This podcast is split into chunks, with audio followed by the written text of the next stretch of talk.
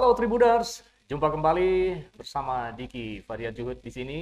Dan apa kabar Bung Tarsi? Kabar baik Bung Diki.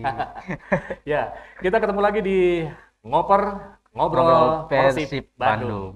Dan uh, topik di perbincangan kali ini makin menarik karena uh, ada kita sudah mendekati liga, tapi ada juga turnamen Pramusim ya. yang ya turnamen pramusim yang uh, beberapa hari lagi akan bisa kita lihat ya Betul. karena kita tidak bisa nonton ke lapangan. Nah, Bung Tarsi banyak catatan eh, kita langsung ke materi aja, banyak catatan eh, yang mungkin bisa kita kupas dan kita sampaikan kepada tribuners khususnya para bobotoh yang udah kangen sekali ingin melihat sang pangeran biru untuk eh, merumput ya. Ini kemarin nih yang terbaru ini kan ada dari direktur PT Liga Indonesia Baru berkunjung ke Kota Bandung. Itu sesuatu yang mungkin ada kabar baik atau kabar buruk dan atau ada hal-hal lain yang bisa disampaikan.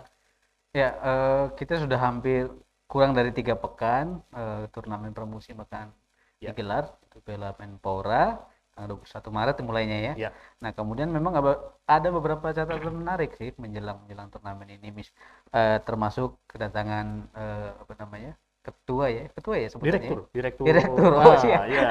Direktur PT Liga Indonesia Baru atau PT Ya. LIB Pak eh, Ahmad. Ahmad Radian Lukita. Ya. Nah, dia kemarin bertemu dengan eh, wakil wali kota kalau nggak salah Ya. itu untuk Payana. eh, memantau eh, stadion Gelora Bandung Lautan. Api Mhm. GBLA. Nah, kebetulan memang Mhm. eh, Bandung termasuk salah satu tuan rumah eh, dari empat kota yang ditunjuk itu termasuk Solo, kemudian Hmm. Malang, Ya. dan eh, Yogyakarta. Tetapi eh, nantinya tuan rumah tidak bertanding di tempatnya sendiri. Nah, ini sesuatu yang Mas- baru berarti ya di Iya, persepak bola Meskipun Indonesia. ada pertandingan di GBLA, tapi itu bukan Persib, ada tim lain. Oh, Nah, iya, ya, karena memang aturannya seperti itu supaya menghindari kerumunan. Ya, bagaimanapun kalau misalnya katakanlah Mhm. entah itu misalnya Persib main di Bandung, kemudian PS Sleman main di Yogyakarta, lalu Arema main di Malang, Oh, di bagaimanapun pasti ada keinginan untuk berada di stadion. Meskipun Ya. tidak masuk stadion, mungkin di Iya, luar tapi- ya. Iya, Menghindari itu ya, iya. menghindari itu. Mhm. Jadi memang nanti setiap eh, tim yang berasal dari kota, misalnya dari Bandung, tidak akan bertanding di Bandung selama turnamen itu berlangsung. Hmm. Nah, pembagian grupnya baru akan dilakukan pada tanggal 8 Maret eh, Oh, di Be- eh, beberapa manajer ke depan. meeting, Ah. ya manajer meeting dengan PT Liga dan juga PSSI. Banyak sebenarnya catatan menarik juga selain itu, misalnya soal persiapan tim-tim. Mhm. Persib misalnya eh, kehilangan enam pemain terakhir itu Kim Nah, ya, Itu dia. Kim Kurniawan yang kembali ka- eh, dikabarkan kembali bere- akan bereuni dengan Dejan Antonik itu pelatih dia waktu di oh. Pelita Bandung Raya juga di Persib yang membawa dia ke Iya, Persib. iya, iya, iya. Kemudian juga eh, kakak kan kakak iparnya lah satu tim Iya, dengan Irfan Bahtim. Nah ya mungkin itu pertimbangan pertimbangannya juga mungkin itu. Mhm. karena kebetulan juga ya untuk di Persib kan lumayan gelandangnya juga banyak ya. Masih, masih lah. Iya, iya, iya. masih. Ah, kemudian tetapi ada beberapa catatan juga di tim-tim lainnya. Persebaya misalnya kehilangan 12 pemain selusin itu. Waduh, itu termasuk eh, pemain-pemain pentingnya iya kemudian Persipura justru ditinggal Jack San- F Santiago itu Pelatihnya ya, Iya, Jack F yang Santiago ya eh, yang menghantarkan pernah menghantarkan jadi juara juga kan. Betul. Oh, Dan iya. sebenarnya mereka tidak hanya persiapan untuk pramusim ini, tapi mereka satu dari dua wakil Indonesia yang tampil di AFC Mei nanti. Wah. Nah, sayang sekali. Memang Persipura itu satu di antara dua tim yang dibubar, dibubarkan Hmm? ketika liga dihentikan, termasuk Madura United waktu itu. Iya, iya, iya. Sudah kehilangan pelatih, timnya belum terbentuk, Iya. manajemen juga masih cari sponsor. Nah, kita berharap gini, eh, terlepas dari dia kompetitor eh, Persib atau Mhm. di liga tetapi kita berharap karena dia mewakili Indonesia di Asia Ya. kita berharap tim segera terbentuk pelatihnya ada dan Waduh. bisa tampil lumayan lah di FC seperti eh, mereka pernah sampai semifinal kalau nggak salah Jauh lebih rapot ternyata ya tim-tim yang lainnya. Nah ini kan tadi Persipura sempat dibubarkan ya. Ini Iya. kita sedikit ke tim lain ya.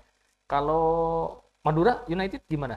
Ada Ma- sudah Madura sudah dibentuk lagi tim timnya Hmm. sudah direkrut lagi pemain-pemainnya dan Rahmat Darmawan udah bentuk lagi pemain-pemainnya tapi memang ada beberapa yang sudah tidak di sana lagi ada yang pindah ke Bali United saya lupa namanya strikernya Hmm, ya. Oh, duh, ya. striker agak ini juga ya, tapi iya. eh, yang jelas sudah terbentuk timnya yang ada ya, tidak seperti Persipura. Tidak ya betul tidak sudah terbentuk lagi Nah, ini tentang Persib sendiri ini kan ada banyak keluar nih, ada Iya. enam eh beberapa tadi ya, enam. ya Terus sekitar itu terus ada amunisi baru atau gimana untuk mengganjal ini analisisnya gimana nih catatannya Bung Tarsi? ya memang sebet, eh, Robert Alves sendiri mengatakan memang perlu striker ya dan gelandang karena Ya. eh, kalau kita lihat posisi itu yang eh, ditinggal banyak pemain Eh, posisi tengah misalnya ditinggal Omid kemudian Kim. Kim, lalu Gozali Siregar Nah, ya Gozo. ya. Gozo kemudian juga di lini depan kehilangan Zulham Ya, kemudian Okto Okto. eh, Benny Okto. Be- Benny Hmm. Okto eh, Vianto kemudian Geoffrey ya, yang masih dipinjamkan ke Como Dipinjamkan apa? dipinjamkan Oh, dipinjamkan. karena kalau kita di media sosial Iya, iya. dia masih kontak Ah. dengan Oke. Orang-orang Persib manajemen Persib Ya, ya. nah ada beberapa is ada beberapa nama yang muncul eh, terakhir-terakhir ini katakanlah eh, Ferdinand Sinaga Ferdinand Hmm. sekarang masih main di Liga Timur Leste Mhm. Nah, ke, eh, dari wawancara dengan Robert sendiri mengatakan memang dia pingin bekerja sama kembali dengan eh, Ferdinand Senaga setelah mereka sempat dua musim bersama di PSM Makassar. Hmm, ya. Dan memang mereka Udah punya hub- karakter ya. betul, mereka punya hubungan baik sebenarnya. Itu kalau dilihat eh, be- dulu sebenarnya Ferdinand Ferdinand Sinaga itu sempat meninggalkan eh, PS Makassar untuk main di Liga Malaysia. Itu tepatnya eh, kalau nggak salah sih, ntar saya nyontek dulu nih. Eh, ya. Tahun Katakan ya, 2018. Ah. De, eh, 2017 2018 itu dia musim bersama eh, Robert Albert. Tetapi dia tidak lama di eh, Kelantan waktu itu, dia hanya main Hmm. lima pertandingan. Mungkin tidak atau ada hal lain, ya. ya. dia kembali ke PS Makassar. Meskipun dia sudah pergi, Ya. artinya kan ya, tapi ketika dia kembali, dia tetap mendapat kepercayaan besar dari Robert Albert. Terbukti di musim itu dia tampil eh, dalam 30 pertanding maaf, ya 30 pertandingan Hmm. Dari total 36 pertandingan yang dilakoni PS Oh, Makassar kan. eh, banyak ya. Iya, itu kepercayaan besar sekali. Itu sebabnya dia bilang eh, saya ingin bekerja kembali dengan Ferdinand Sinaga. Hmm. Iya. Eh, kemudian Ferdinand Sinaga kan sebenarnya kalau termasuk satu pemain yang emosinya meledak-ledak di lapangan ya banyak ada banyak Ah, cerita lah ya, termasuk ya, ya. waktu di timnas nah itu tapi Robert Alvarez mengatakan seiring usia Ferdinand sudah semakin pemain yang sudah semakin tenang Ah, penampilan semakin stabil dan emosinya sudah bisa sudah sangat mengatur mampu ya, diatur manajemen emosi berarti ya. emosi ya. Iya, iya.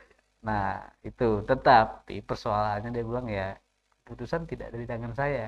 Ini juga persoalan budgeting keuangan. Oh, karena ya. eh, apa ya? Ya kita tahu lah hampir semua tim di satu mus- selama satu tahun belakangan kan kehilangan banyak eh, penghasilan ya sampai kan ada pemotongannya hingga 75% gitu. Hmm. Nah, it- it- itu pengeluarannya tetap gitu ya, pengeluarannya tetap. Pengeluar, pengeluarannya dikurangi, pemasukan juga berkurang gitu. Iya, iya, iya. Nah, Ada sponsornya banyak.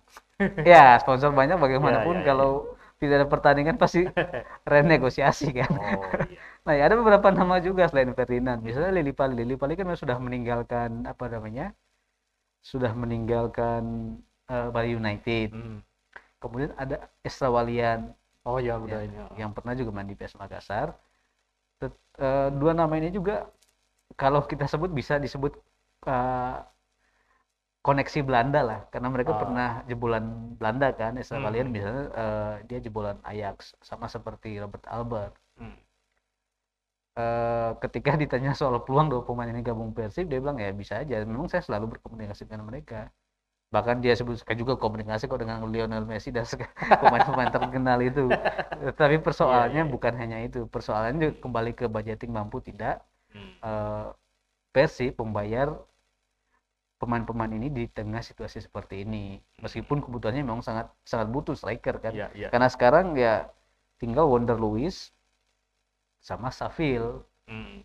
Eh, satunya sangat berpengalaman, Satunya satunya lagi. be- belum sama sekali. Iya, itu kan iya. jomplang banget itu. Iya. Oh Ya, iya iya. benar, perlu itu ya. Harus Betul. eh, orang yang mumpuni di depan itu ya. Iya. Kalau di belakang kan ada yang baru-baru nih ya. Eh, Iya. Munisi apa? Munisi baru nih. Ini bagaimana amatan dari Bung Tarsi? Betul, memang kalau ini belakang ketika ditinggal Fabiano sih eh, penggantinya sangat sepadan menurut saya. Ya. Eh, Ahmad Jufrianto, eh, Bobotos pasti sangat kenal dia, Iya. meskipun keluar masuk ya sebenarnya, tet- tapi eh, Boboto pasti sangat terima dia karena dia sudah pernah menjadi pahlawan bersama Supardi dan Made yang ada sekarang mereka Jadi kapten ya, pahlawan. yang kapten juga kan? Betul, Iya, iya. mereka pernah menjadi pahlawan Persib ketika di apa namanya LSI 2014 juga Piala Presiden 2015 jadi juara. Nah, kalau tambahan amunisi lainnya itu di back kanan ya, Tapi ada kan eh, Bayu, Bayu itu, Fikri. Bayu Fikri. Ya memang dia juga belum berpengalaman sebenarnya karena ini Persib merupakan klub profesional pertamanya. Tetapi dia punya pengalaman di timnas, timnas U19. Itu bersama- sebaya eh, siapa nih kalau di Persib Ada Bayu nih? ada Beckham Putra, kemudian ada Kakang, Kakang Rudianto. Mereka Oh, sempat iya. satu tim Hmm. di 19.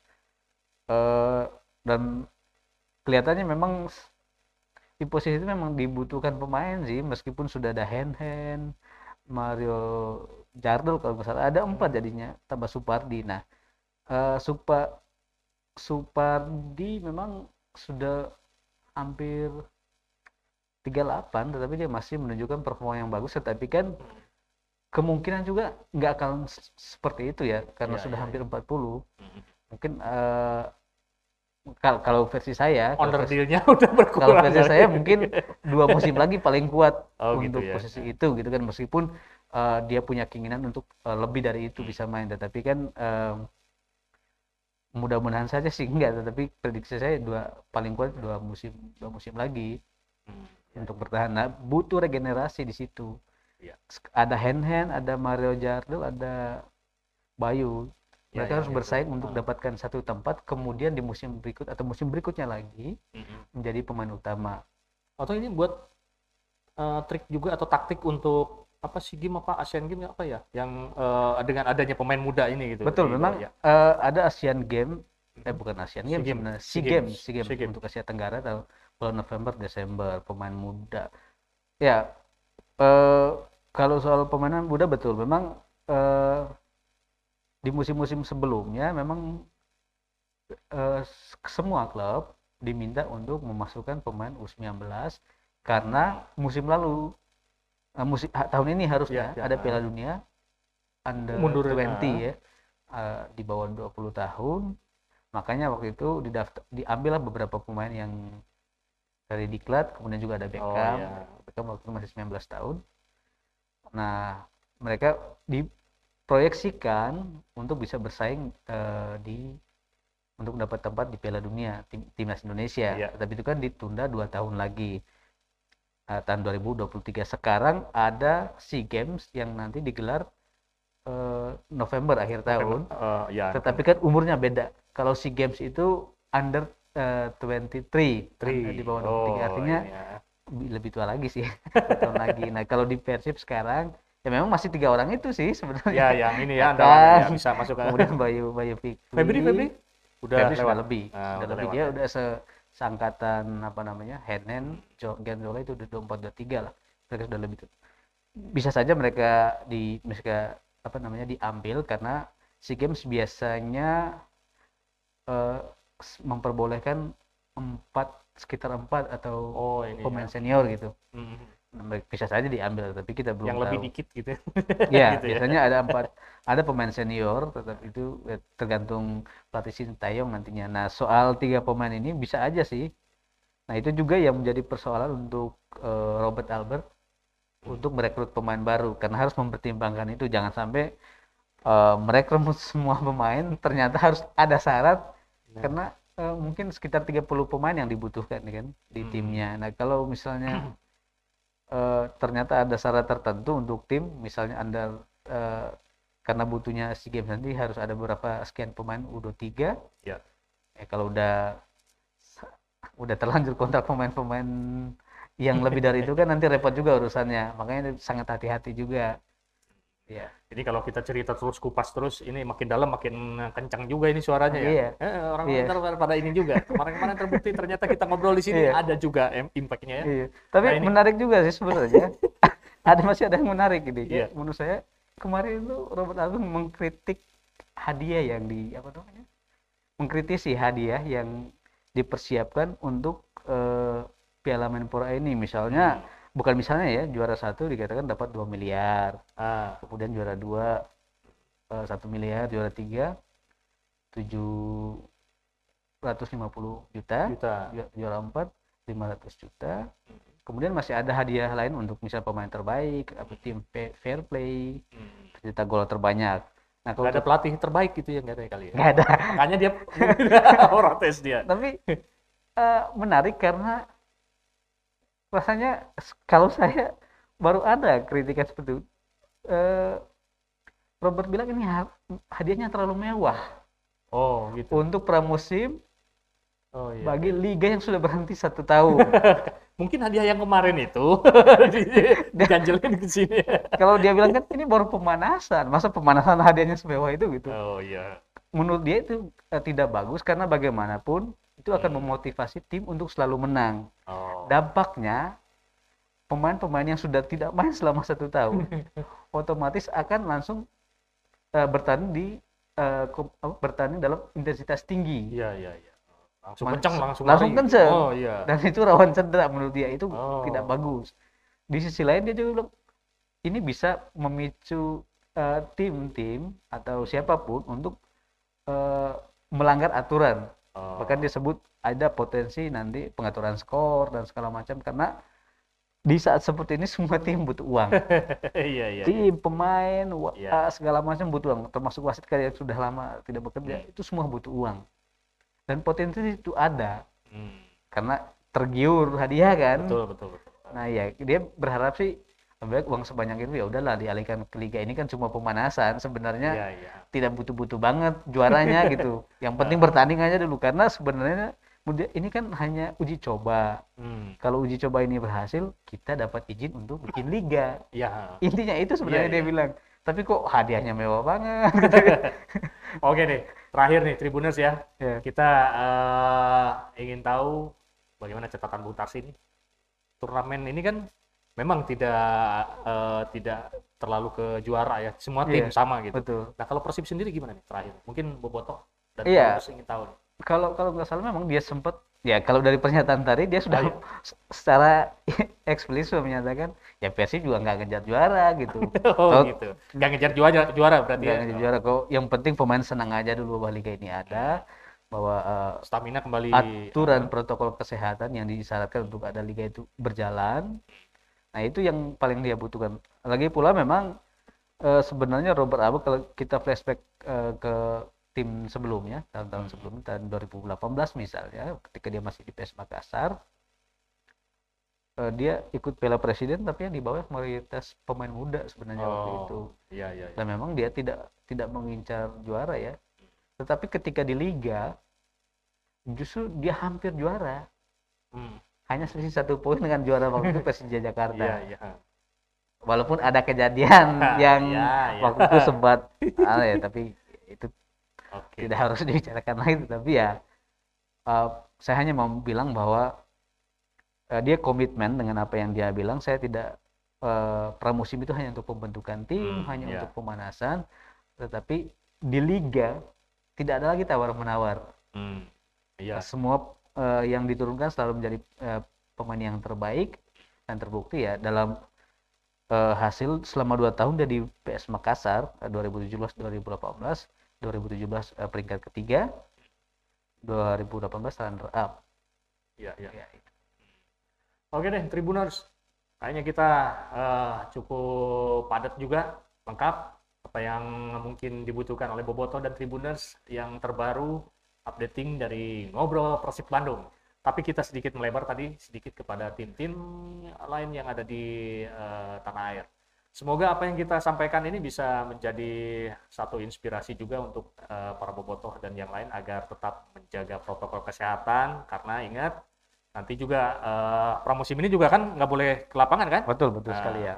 Nah kita tetap patuhi protokol kesehatan 3M kita yeah. pakai masker ataupun face kayak ya seperti ini. Kita. Kayaknya nonton bareng juga nggak boleh deh. Oh, nggak boleh ya. Jadi nontonnya masing-masing di rumah. Masing-masing rumah gitu. aja nonton bareng keluarga. Untuk lebih lengkapnya nanti kita uh, minggu depan pekan depan kita akan lengkapi kembali informasi terbarunya. Iya, uh, jangan lupa juga kalau aktivitas di luar protokol kesehatan cuci tangan yang ya sesering mungkin lah. Yeah. Lantas juga menjaga jarak. Kita selalu uh, mencoba menjaga jarak kayak gini. Ya semoga anda selalu sehat, hati, jiwa dan pikiran anda Diki Fadian yeah. Juhud uh, pamit dari ruang Anda dan juga saya Tarsi. Love, peace, and respect.